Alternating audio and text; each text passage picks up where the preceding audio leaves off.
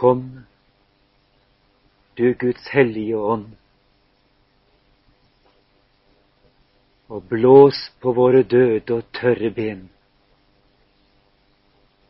så vi kan våkne opp til det sanne liv, som vi er skapt til i Guds bilde, og som Kristus har forløst oss til. Vi ber deg, Far, send ut ditt ord og skap oss nye for Jesu Kristi skyld. Amen.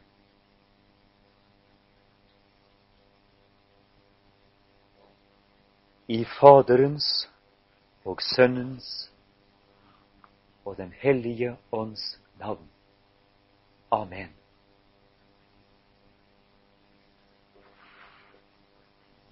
Dette ene navn, som er Faderens navn og Sønnens navn og Den hellige ånds navn. Det er bare ett navn, og det er navnet Gud. Som både Fader og Sønn og Hellig Ånd har del i. Den treenige Gud som vi er døpt til. Faderen som har skapt oss, Sønnen som har forløst oss, og Den hellige ånd som stadig helliggjør oss, nyskaper oss, arbeider med oss. For at vi en gang skal stå frem for Gud som Hans uttrykte bilde. Skapt til samfunn med den treenige Gud. I all evighet.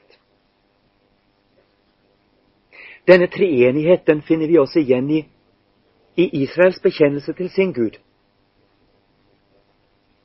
Israels Gud, Herren, er kjent under det trefoldige navn Abrahams Gud, Isaks Gud og Jakobs Gud.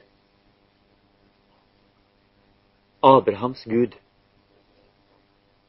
det er Faderens Gud, han som gikk den tunge gang til Moria. Faderen som ble et bilde av Gud Fader, og gikk inn i det forferdelige mørket der Guds offer fant sted. Og det har vi forsøkt å tale om. Isaks Gud, det er Gud, Sønnen, som vi har forsøkt å følge til Golgata, som Guds lam.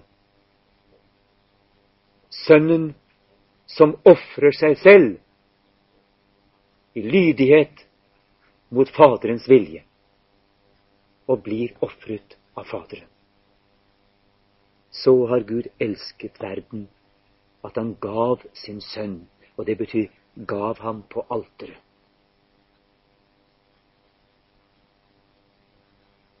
Hengav ham i døden. Og Jakobs Gud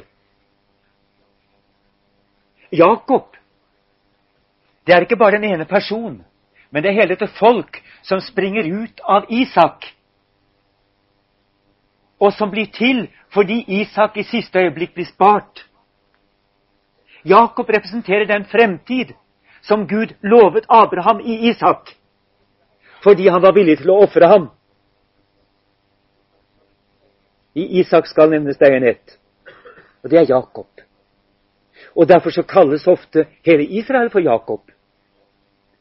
Og denne Jakob fikk navnet Israel fordi han kjempet med Gud og fikk overhånd. Israel er også et egennavn på Jakob. Og samtidig er det et navn på et folk. Og det tilsvarer Helligånden og Helligåndens gjerning. For Faderen i vår trosbekjennelse er relatert til skapelsen av himmelen og jorden. Jeg tror på Gud Fader, himmelens og jordens skaper. Sønnen er i trosbekjennelsen relatert til forløsningsverket, han som ga sitt liv. Men Den hellige ånd er relatert til Kirken. Jeg tror på Den hellige ånd en hellig, alminnelig kirke, altså til Guds Israel.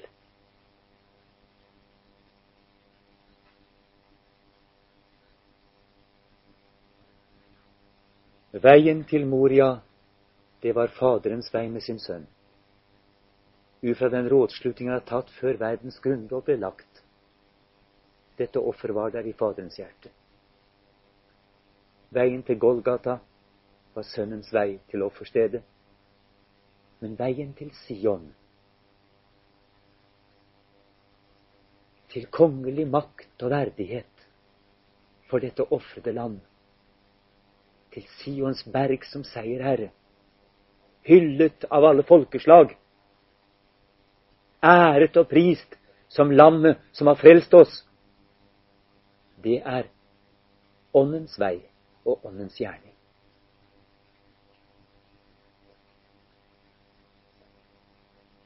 Og Derfor så blir det å snakke om Den hellige ånd, og hvordan Den hellige ånd frembærer dette land i verden.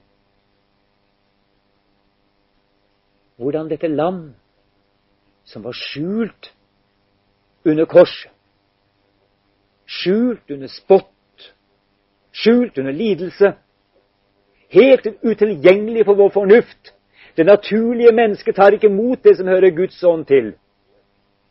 Det er ham en dårskap. Det som vår fornuft ikke kunne gjennomtrenge. Det som bare var synlig for én en eneste en, nemlig han som han korsfestet ved hans side. Det blir åpenbart ved Ånden.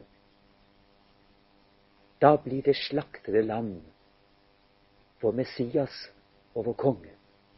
Ja, nettopp ut fra korset utgår hans velde og hans makt over menneskene og over hele verden. Ånden forklarer Kristus.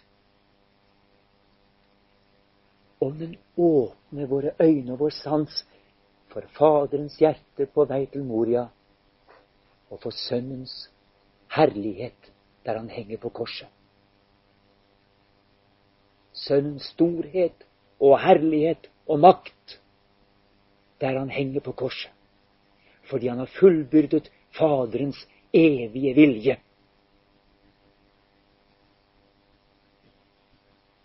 I ham ser vi Guds herlighet. Serafene står omkring ham, og de roper Hellig, hellig, hellig er Herren Sebaot. All jorden er full av Hans hellighet. Da krones Kristus for oss. Tornekronen forandrer mening. Det er ikke lenger spottekrone, men en allmaktskrone. Og korset blir hans trone. Han er opphøyet over jorden. Slik han forkynnes korsfestet. Og han tar makten over oss, nettopp som den korsfestede. Som lammet som er slaktet, blir han vår Herre og vår konge. Og det er Åndens gjerning.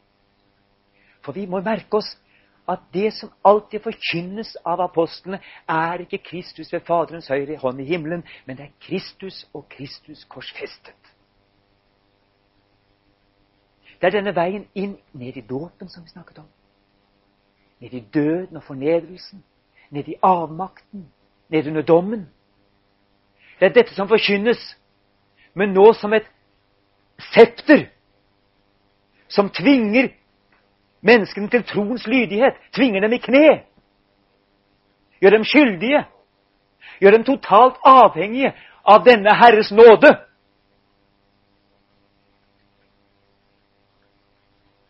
Ropet 'Fader, forlat dem, for de vet ikke hva de gjør', trenger igjennom sjelen og gjør dem skyldige. Tvinger dem i kne, bødlende for sitt offer. Akkurat det er det som skjer på pinsedagen. Når Kristus herliggjøres og hylles som Herre. Det skjer nettopp gjennom at han forkynnes som den korsfestede Messias. Og 3000 mennesker rammes av dette sverdet som går gjennom hjertet. Det stikker dem i hjertet, og de roper 'Brødre, hva skal vi gjøre for å bli frelst?' Og de blir døpt.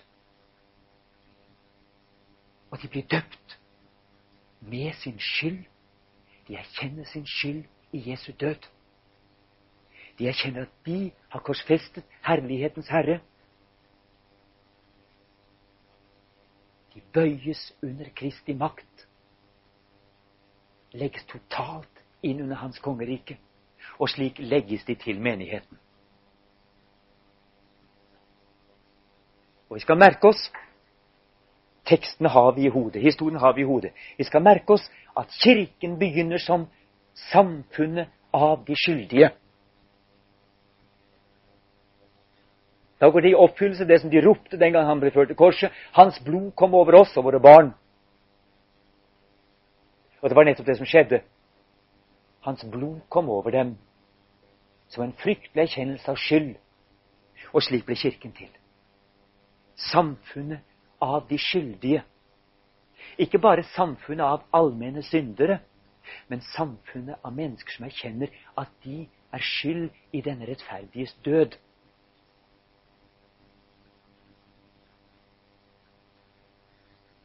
Han som er oppreist av Faderen og sitter ved hans høyre hånd. Men makten som han utøver der, fra tronen, er og blir dette evangelium om det slaktede land, og ikke noe annet. Men det forandrer altså karakter. Fra å være avmakt, offer, lidelse, ensomhet så blir dette budskap et septer som han rekker ut fra det himmelske Sion. Når han legger folkeslagene under seg. Det blir et allmaktssepter. Meg er gitt all makt i himmel og på jord. Gå derfor ut og gjør alle folkeslag til disipler. Slik det først skjedde på pinsedagen. Gjør alle folkeslag til disipler. Idet dere døper dem i Faderens og Sønnens og Den hellige ånds navn, og lære dem å holde alt det jeg har befalt dere. Men septeret er dette evangelium, dette fryktelige og forløsende budskap, som knuser hoder over den vide jord, som det står i en av salmene.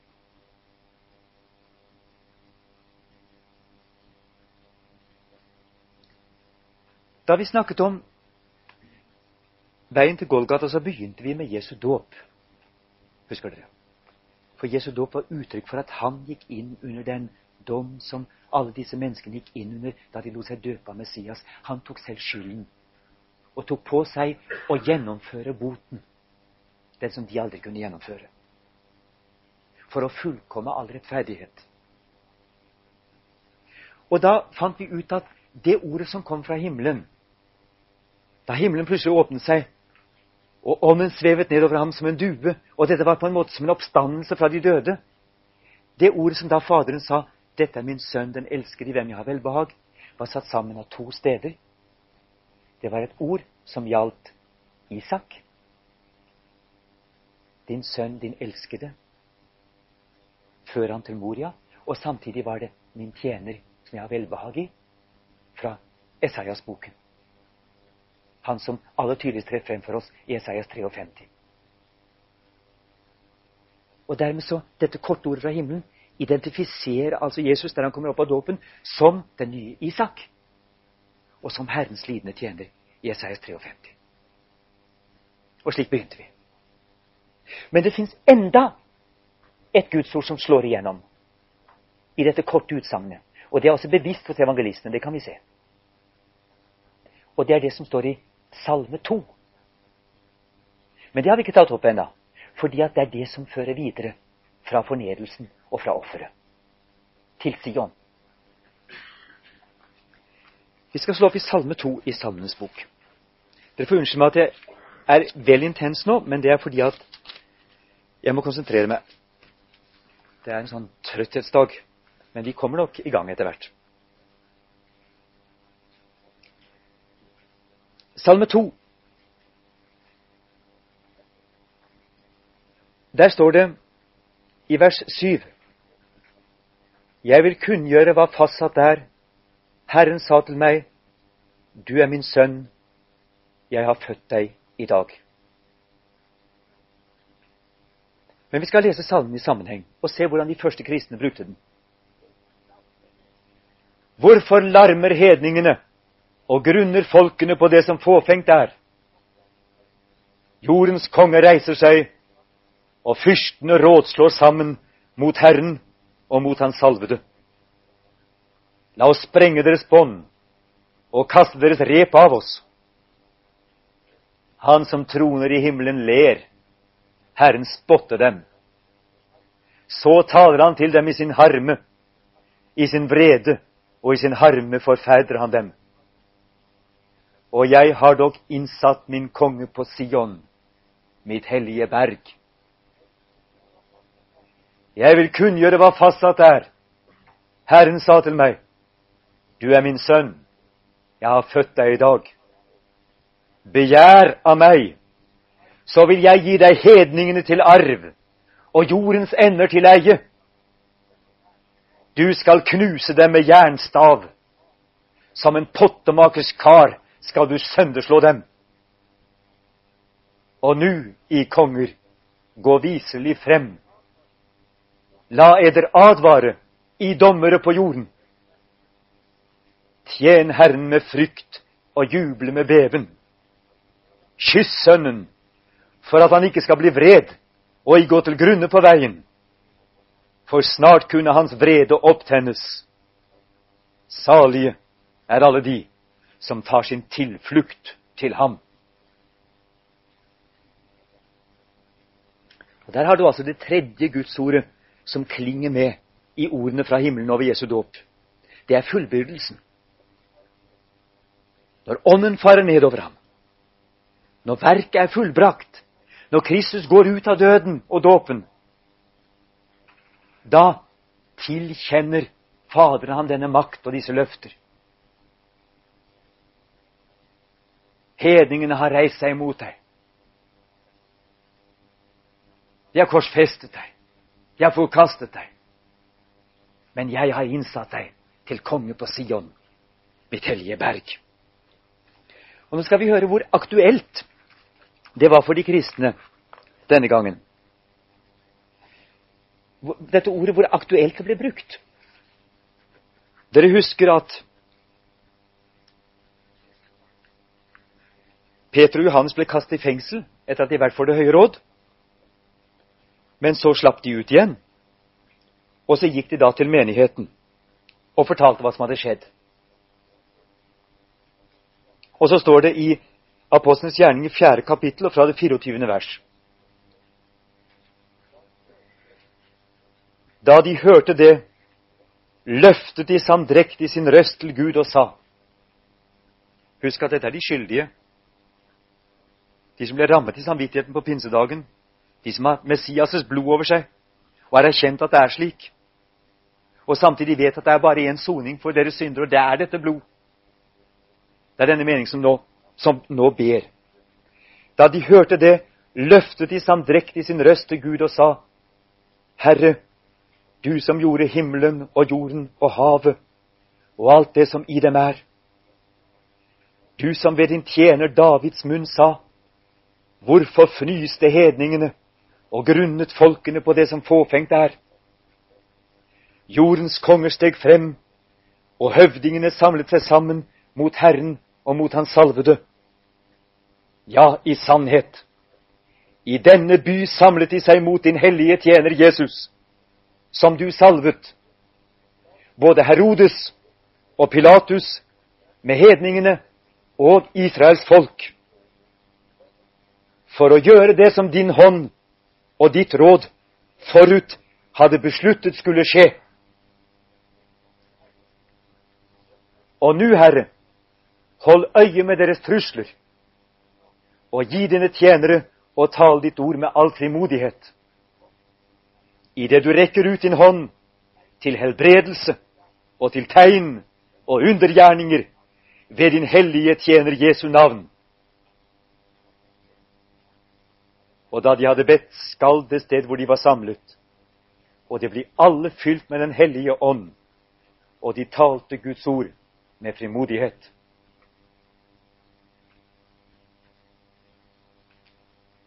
Slik er det lammet herliggjøres på sitt Sion. Én ting er hva Faderen gjør i det skjulte, før han opp til himmelen og setter ham ved sin høyre hånd, hva nå det vil si. Men, den, men, i vårt sinn, i våre hjerter, så skjer denne intronisasjonen ved at troen skapes der. Og han som før var forakta av hvert menneske, nå hylles som konge og herre. Og her ser vi hvordan menigheten nettopp bruker denne gammeltestamentlige salmen for å bekjenne sin Herre og konge Jesus i verden. Det er Kristi triumf. I disse svake mennesker triumferer ham fordi han tror. De tror på ham.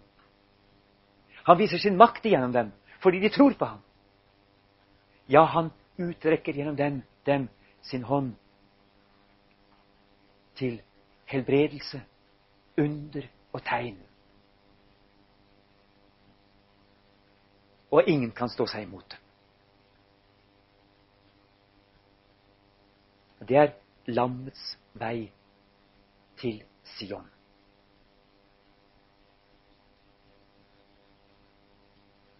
Før vi kommer så langt, så skal vi høre hva anklagen mot disiplene gikk ut på.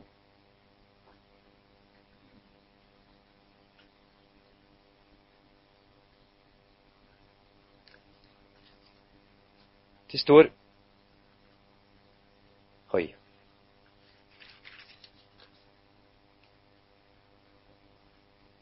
Ja, det står her i kapittel 5.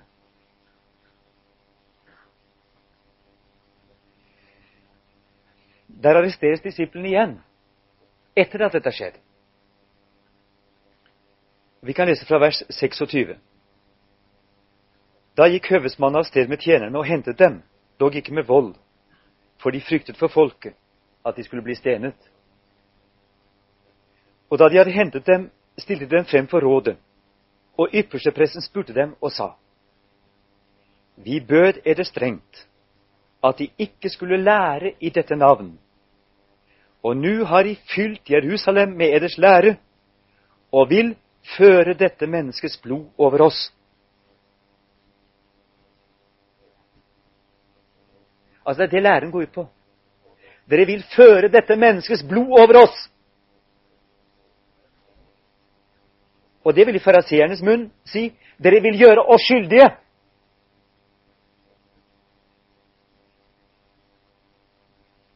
Men i disiplenes tanke så betyr det kanskje vi vet at dette blodet er det eneste som kan frelse dere. For den som tar dette blod innover oss, blir også renset i dette blod. Den som erkjenner seg skyldig i denne rettferdiges død, blir også frelst gjennom denne rettferdiges død. Det var jo det som skjedde på pinsedagen. Men legg merke til hva evangeliet går ut på. Det er å føre dette menneskets blod over oss. Og det er noe forferdelig. Det er det de hytter seg imot. Det er det de raser imot. Det er det de forsvarer seg imot. Med alle midler. Dette blodet er så sterkt. Det skriker til himmelen. Det fyller himmel og jord med sin makt. Og gjennom dette blod hersker Messias. Ja, Det står om de hellige i Apostlenes gjerninger i det tolvte kapittel. De som seirer over djevelen. Det står om dem. De har seiret over ham i kraft av lammets blod og det ordet de vitnet, og de hadde ikke sitt liv kjært like til døden. Og akkurat her, like etter det, så bekjenner jo disiplene oss i 529 man skal lytte Gud mer enn mennesker. Seiersvåpenet er lammets blod. lys av korset blir alle mennesker skyldige. Og det ord som vi vitner om dette blod, og motet er at den som bærer dette vitnesbyrd, har ikke sitt liv kjært like til døden. Det vil si, det frykter ikke. Det mister gjerne sitt liv for dette vitnesbyrds skyld. For dette vitnesbyrd er viktigere enn det fysiske liv. Og det er Messias herlighet og makt. Da sitter Kristus på tronen. Da hersker Jesus i Sion. Og legg merke til det er lammet som gjør det. Fremdeles er det sånn. Offerlammet.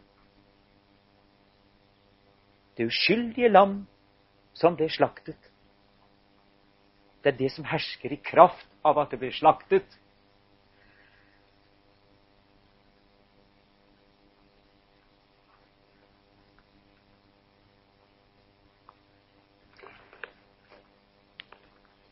En annen salme som dukker opp ofte i Det nye testamentet, oftere enn salme 2, det er salme 110. Og den salmen er nært relatert til salme 2. Man vil nesten automatisk tenke på salme 110 når man leser salme 102. For her får vi nærme, stifte nærmere bekjentskap med denne konge som Gud har innsatt på Sion, sitt hellige berg.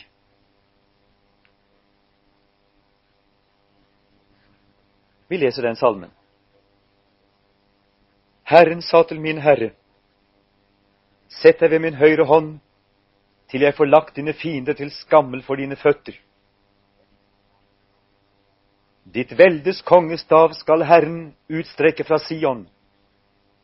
Hersk midt iblant dine fiender. Ditt folk møter villig frem på ditt veldes dag. I hellig prydelse kommer din ungdom til deg som dugg ut av morgenrødens skjød. Herren har svoret, og han skal ikke angre det. Du er prest evinderlig, efter Melkisedeks vis. Herren ved din høyre hånd knuser konger på sin bredes dag. Han holder dom iblant hedningene, fyller opp med lik, knuser hoder over den vide jord. Av bekken drikker han ved veien. Derfor løfter han høyt sitt hode. Og denne dom iblant hedningen det er ikke bare noe som begynner på dommedag. Men det er en dom som utgår fra korset. Og det fylles opp med lik, fordi at dette evangelium døder, det dreper. Herren døder og gjør levende. Det slår i hjel. Det blir gravet med ham ved døden ved dåpen til døden, som Paulus sier. De blir korsfestet med ham, osv.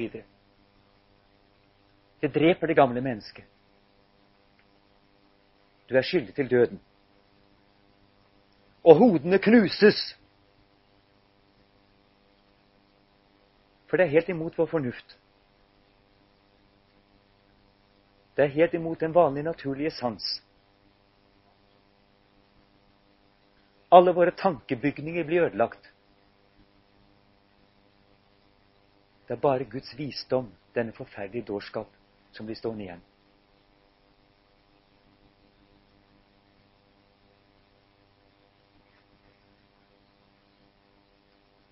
Slik hersker Kristus, lammet,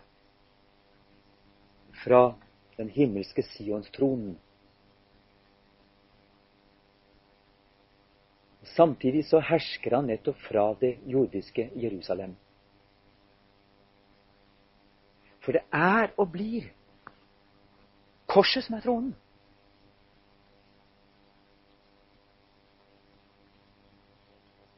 Legg merke til han kommer på palmesøndag, så rir han inn i Jerusalem for å innta Jerusalem. Og i noen dager så er han faktisk talt herre i Jerusalem. Det er ingen som våger å anta ham. Han går fritt inn i tempelet og rydder opp. Ingen kan gripe ham. Han sier, 'Bryt dette tempelet, jeg vil gjenreise det på tre dager'. Det står han talte om sitt legemes tempel. Og så, så skulle man vente at nå bestiger han tronen, og det gjør han. Han føres i triumf til tronen, fulgt av alle Guds lydige tjenere. Det er bare at det er gjennom den motsatte intensjon. Han føres til kors. Han nagles til tronen. Han henges opp så han er synlig for alle.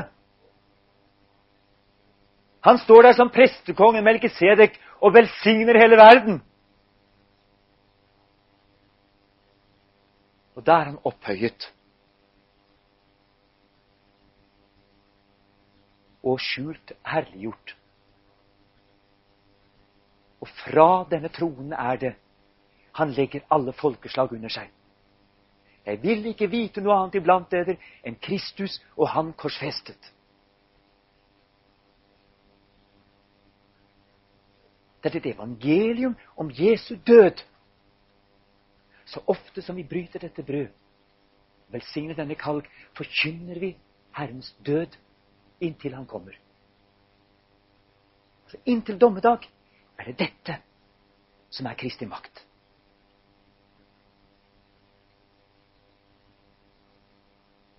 Det er veldig, veldig viktig. Like som Moses opphøyet slangen i ørkenen, slik skal altså menneskesønnen opphøyes. For at Hvordan står det i Johannes 3? Og dette er jo selvfølgelig noe som ikke bare varte én dag.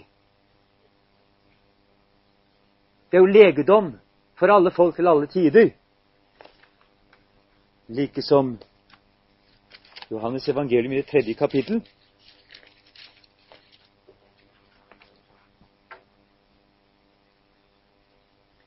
Like som i og det 14. vers.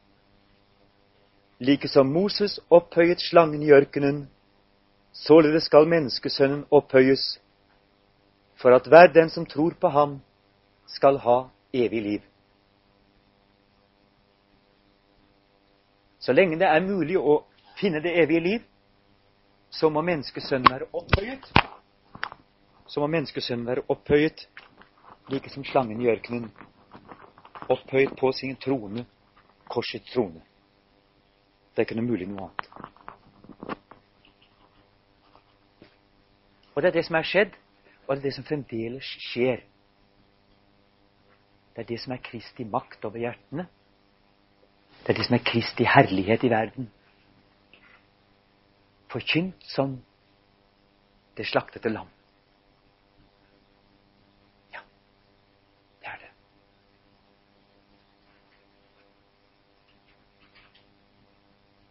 Og så er det at i første omgang var det Faderen som ofret ham.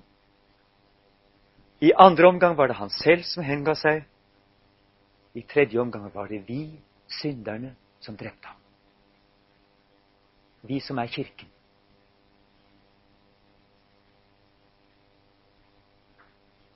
Vi fullførte denne fryktelige handling.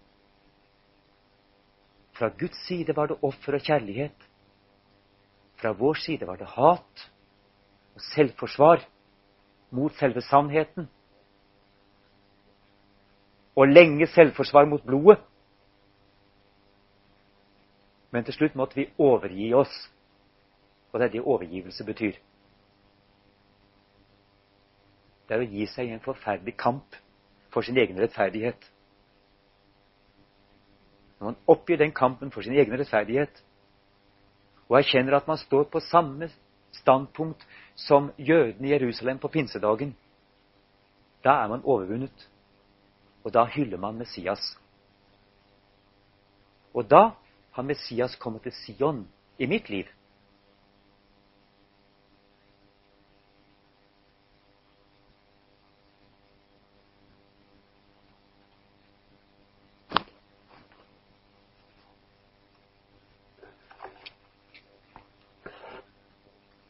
Hele tiden taler vi om den korsfestede.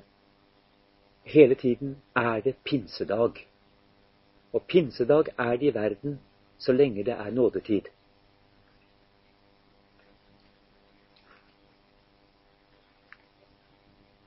I profeten Sakarias, i det tolvte kapittel, og i det tiende verset der leser vi om hva Gud vil gjøre på nådens dag.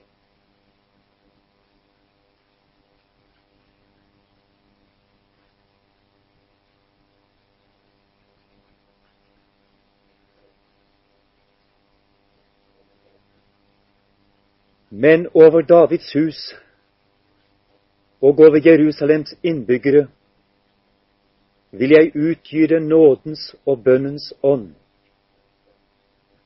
Og de skal skue opp til meg som de har gjennomstunget. Og de skal sørge over ham som en sørger over sin enbårne sønn, og klage sårt over ham som en klager over sin førstefødte. På den dag skal sorgen bli stor i Jerusalem, som sorgen over ulykken i Hadadrimon i Megiddons dal.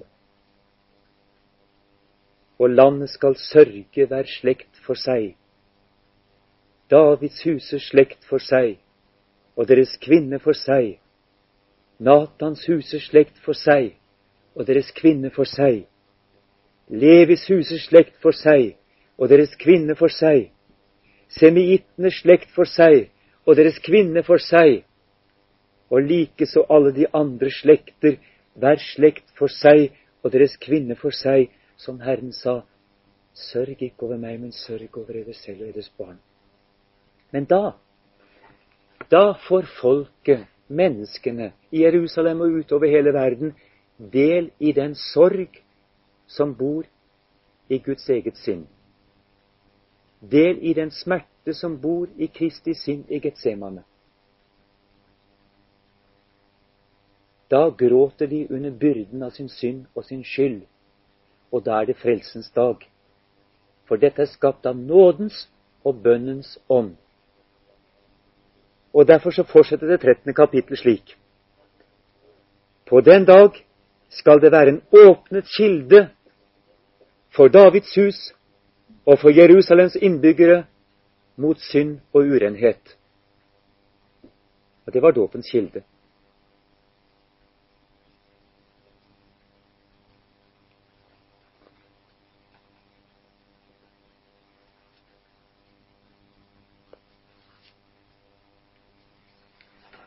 Slik er veien til Sion i relasjon til oss, og slik blir Kirken til det åndelige Sion. Kristi rike her på jorden, som er vidunderligst av alle ting, ifølge Grundtvig. Og Guds makt utøves under den korsfestede skikkelse.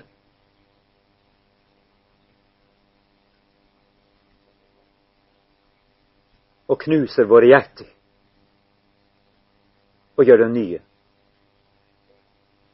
Ved troen på syndenes forlatelse.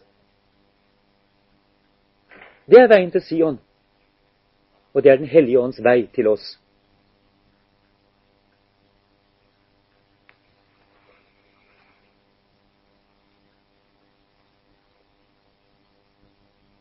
Men det skjer altså gjennom synserkjennelse.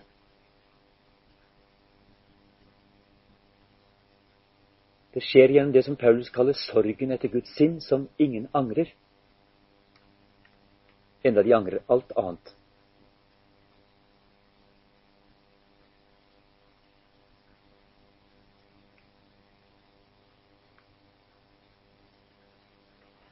Det er mange mange ting vi nå kunne sagt om Kristus ved Faderens høyre hånd, men nå har vi beholdt oss her på jorden i Kirken. og forsøkt å definere oss selv. Hvem vi er, vi som har hørt om Faderens gang til Moria og Sønnens gang til Golgata. Jo, vi er Kristi mordere sammen med jødene. Og jødene skal aldri få slippe unna at de har drept Jesus. Fordi vi ikke har lov til å slippe unna det. Slipper de unna det, så slipper vi unna det. Men skal vi vinne Israel for Kristus, så må vi stå sammen med dem som skyldige. For Jesu død er sannheten om vårt liv. Så enkelt er det. Men ikke forsøk å unnskylde dem, for da tar du fra dem frelsen. Ikke forsøk å bygge opp det som Paulus forsøker å bryte ned. Og det må man ikke gjøre overfor nordmenn heller. Du er ikke akseptert! Og du skal aldri akseptere at ditt liv ble Jesu død. Du skal bøye deg for det. Skyld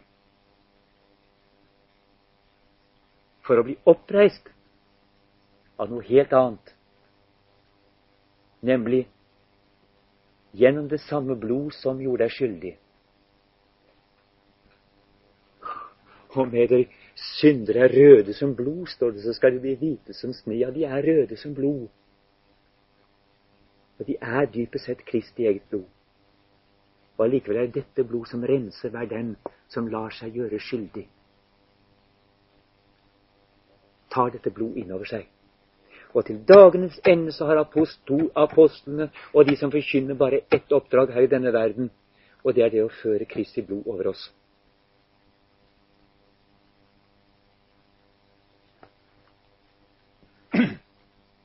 Den underlige trone Kristus står på og hersker fra i verden. Den underlige tronen. Hele tiden korsets tronen. Og vi kan synge slik Vær høylovet Kriste på tronen korsets tre. All vår pris og hyldest var pine, spott og spe. Slik er du opphøyet ved kraftens høyre hånd. Slik blir jorden bøyet til bot ved nådens ånd. Kyrie eleison, Kriste eleison, Kyrie eleison.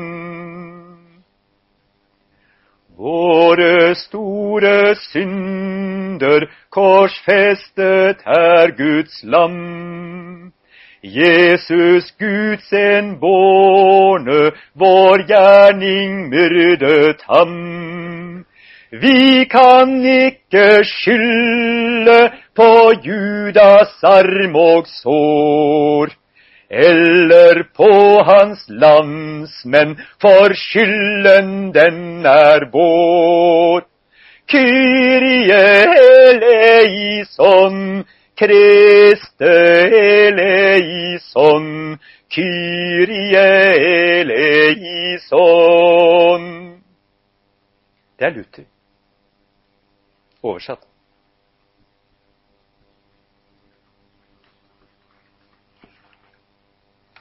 Og så lenge vi holder på å bryte brød og skjenke vinen, så er det en død iblant oss.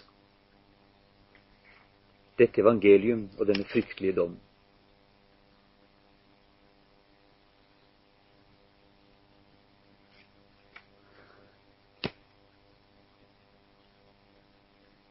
Og denne herlige seier som gir oss mot til å dø fordi vi allerede er døde. Og det livet vi nå lever, det er nytt. Det er hinsides dommen og døden.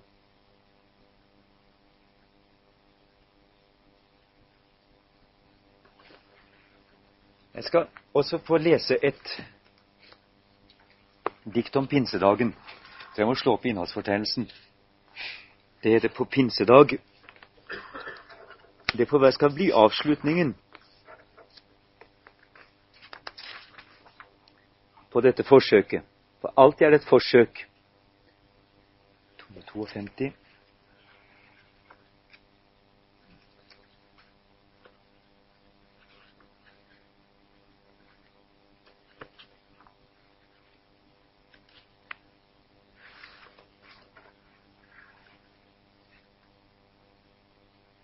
På pinsedag blir Jesus Krist forklaret. Først da blir korsets bitre hymne sunget.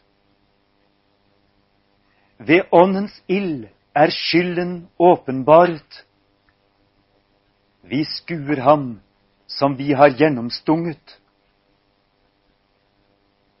Og såret i hans side føder flommen som døper jorderik med skyldens vann, så vi blir trukket ned i kristendommen og dømmes til den samme død som han. På pinsedag er bødlene korsfestet.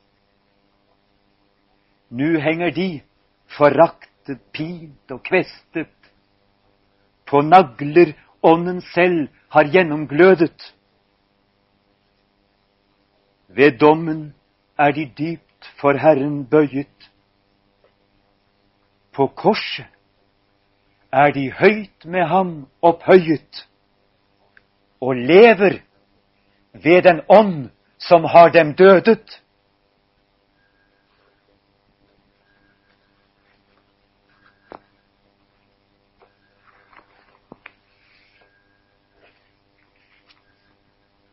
Og så til sist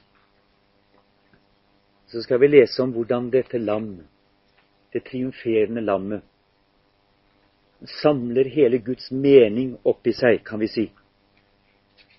Hvordan han er summen av hele Det gamle testamentet, og hvordan han kan åpne boken for oss, så vi kan lese og forstå. Det står i Johannes' åpenbaring i det femte kapittel. Her har vi lammet på Sion.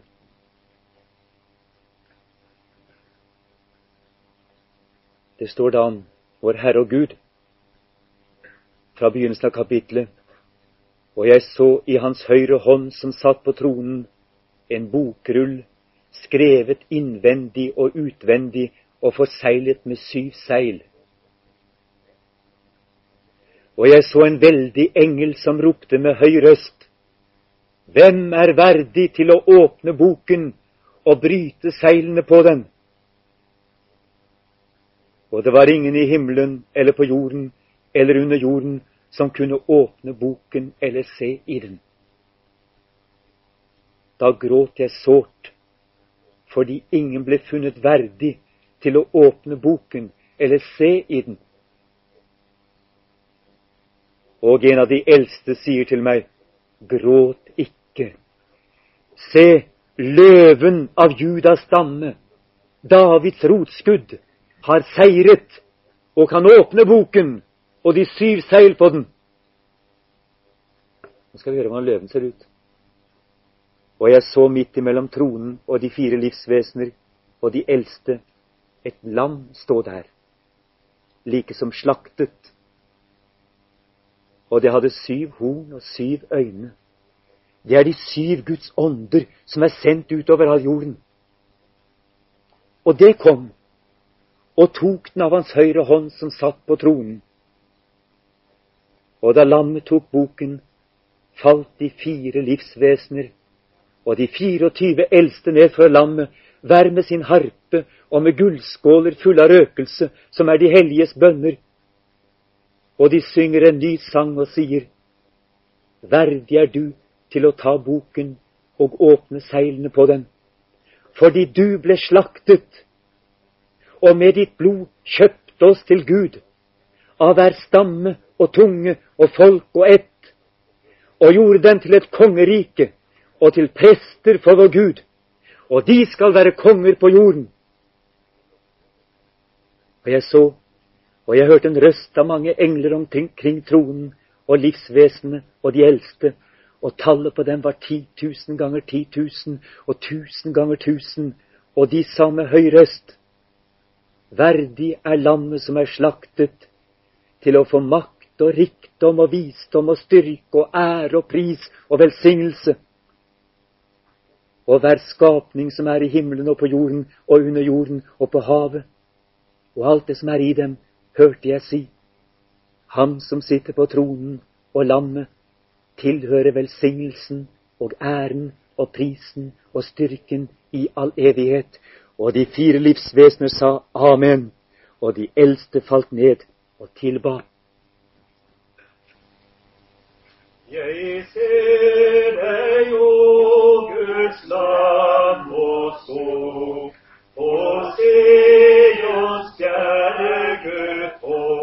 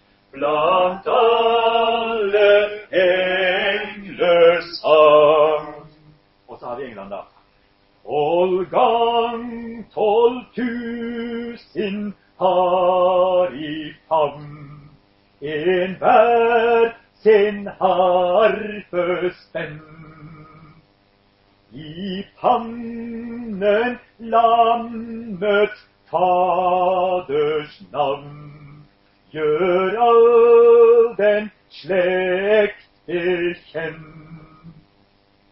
Det går som store vannes lyd når de slår an med fryd. Guds lam for all den del du led. Takk, takk i evighet.